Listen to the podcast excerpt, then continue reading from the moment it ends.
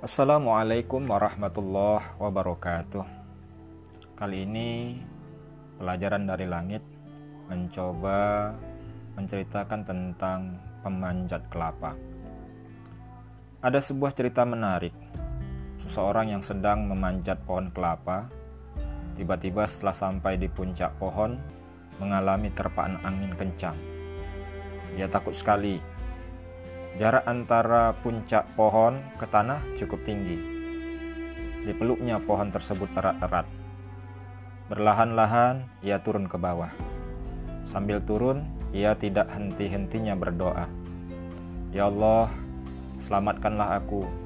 Kalau aku selamat, aku berjanji akan bersedekah menyembelih lembu dan memberi makan fakir miskin. Begitu permohonannya kepada Allah. Setelah beberapa meter ia turun dan angin tidak terlalu kencang, ia masih takut. Meskipun tidak setakut ketika ia berada di puncak. Ia tetap berdoa, "Ya Allah, selamatkanlah aku. Kalau aku selamat, aku berjanji akan bersedekah menyembelih kambing dan memberi makan fakir miskin." Sambil berangsur-angsur ia turun. Tak lepas mulutnya berdoa, setelah tiba di tengah-tengah pohon kelapa, rasa takutnya sudah semakin berkurang. Ia pun berdoa, "Ya Allah, selamatkanlah aku. Kalau aku selamat, aku berjanji akan bersedekah menyembelih ayam dan memberi makan fakir miskin." Begitulah seterusnya. Ia berlahan-lahan menuruni pohon kelapa itu. Ketika sudah tinggal satu meter saja dari tanah, Rasa takutnya pun semakin hilang karena angin tidak lagi berhembus kuat. Doanya pun berubah. Ya Allah, selamatkanlah aku. Kalau aku selamat, aku berjanji akan bersedekah telur ayam saja. Singkat cerita, sampailah ia di tanah. Ia pulang ke rumah dengan rasa senang. Sedikit pun tidak lagi teringat ia akan pengalaman ketika diterpa angin kencang di puncak pohon kelapa itu ia juga sudah lupa dengan doa-doanya. Cerita di atas mengisyaratkan gambaran jelek sifat manusia. Ketika ditimpa kesusahan, ia sangat dekat dengan Tuhan. Ia merasa orang termalang di dunia.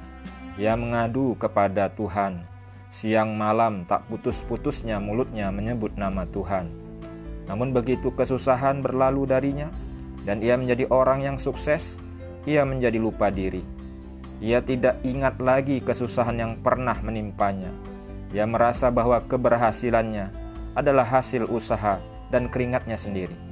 Ini persis sekali dengan yang disindir Allah dalam surat Luqman ayat 32. Dan apabila mereka diterpa ombak yang besar seperti gunung, mereka menyeru Allah dengan memurnikan ketaatan kepadanya. Maka tak kala Allah menyelamatkan mereka sampai di daratan, Lalu sebagian mereka tetap menempuh jalan yang lurus dan tidak ada yang mengingkari ayat-ayat kami selain orang-orang yang tidak setia lagi ingkar. Ketika ombak besar menghantam kapal, para penumpangnya segera berdoa kepada Allah. Tidak ada lagi tempat untuk bergantung dan meminta tolong. Betapa di tengah lautan lepas yang tak bertepi, ketika kapal dilamun gelombang yang tingginya laksana gunung, Para penumpang di dalamnya berjuang antara hidup dan mati. Dalam keadaan demikian, manusia kembali kepada fitrahnya, kebutuhan akan Tuhan. Tidak ada satupun yang dapat menyelamatkan mereka dari hantaman badai dan gelombang, kecuali Allah Subhanahu wa Ta'ala. Mereka kembali kepada Allah dan berdoa kepadanya agar diselamatkan dari bahaya maut yang siap menjemput mereka. Mereka tidak berdaya sama sekali Ketika itu mereka benar-benar dekat dengan Tuhan, meskipun selama ini tidak kenal Allah. Ketika berhadapan dengan kondisi demikian, mereka benar-benar membutuhkan Allah. Mereka ikhlas berdoa kepada Allah, tidak kepada yang lain. Namun setelah selamat dan kapal berhasil merapat ke pelabuhan, manusia menjadi lupa pada Tuhan, pada Allah. Ia tidak merasakan apa-apa lagi. Inilah sifat dasar manusia Ketika berada dalam bahaya, ingat Tuhan. Namun bila sudah selamat, lupa pada Tuhan. Ketika Allah menyelamatkan mereka, dan mereka baru saja tiba di daratan, sebagian manusia malah bersikap kufur dan kembali kepada kemusyrikan. Hanya sebagian kecil di antara mereka yang benar-benar menempuh jalan yang lurus. Di sini kembali Allah membongkar sifat jelek manusia. Ketika mendapat kesusahan, mereka begitu dekat dengan Allah dan memohon pertolongannya. Ketika begitu dahsyat gelombang kehidupan dunia menerpa, mereka mendekatkan diri kepada Allah. Mereka minta tolong agar dapat dilepaskan dari beban berat kehidupan yang menghimpit. Namun begitu kesusahan itu hilang, mereka langsung ingkar dan melupakan nikmat Allah, seolah-olah tidak pernah mereka mengalaminya. Setelah berhasil mencapai kebahagiaan dan kesuksesan dalam hidup, mereka malah ingkar nikmat, kufur nikmat, mereka anggap bahwa semua adalah hasil usahanya tanpa ada campur tangan Allah. Hanya sedikit di antara manusia yang mampu tetap berjalan di jalan yang lurus dan bersyukur atas nikmat yang diberikan Allah kepadanya. Mereka tetap percaya pada ayat-ayat Allah dan beriman sepenuhnya. Pada masa Rasulullah, ada seorang sahabat bernama Sa'labah. Ia hidup miskin bersama istrinya untuk sholat saja, ia harus gantian memakai kain sarung dengan istrinya. Ia tidak bisa berlama-lama berjamaah bersama Rasulullah di dalam masjid karena istrinya menunggunya memakai kain sarungnya pula untuk sholat. Suatu hari ia menghadap kepada Rasulullah Sallallahu Alaihi Wasallam untuk didoakan agar hidupnya lebih baik lagi. Rasulullah Sallallahu Alaihi Wasallam sebenarnya keberatan karena nubuah beliau mengisyaratkan bahwa Sa'labah tidak siap menjadi orang kaya.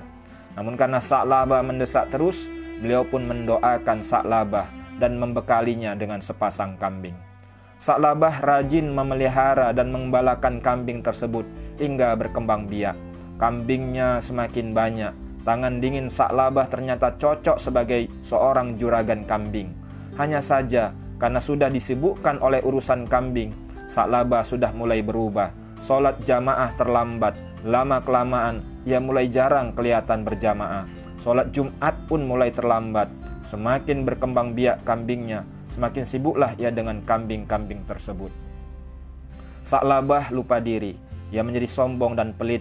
Ia tidak mau berbagi dengan sesama saudara muslimnya. Ia merasa apa yang diperolehnya adalah hasil usaha dan keringatnya sendiri. Akhirnya, Sa'labah pun meninggal dalam keadaan hina. Semoga kita tidak menjadi seperti pemanjat kelapa atau Sa'labah di atas. Wallahu a'lam bissawab.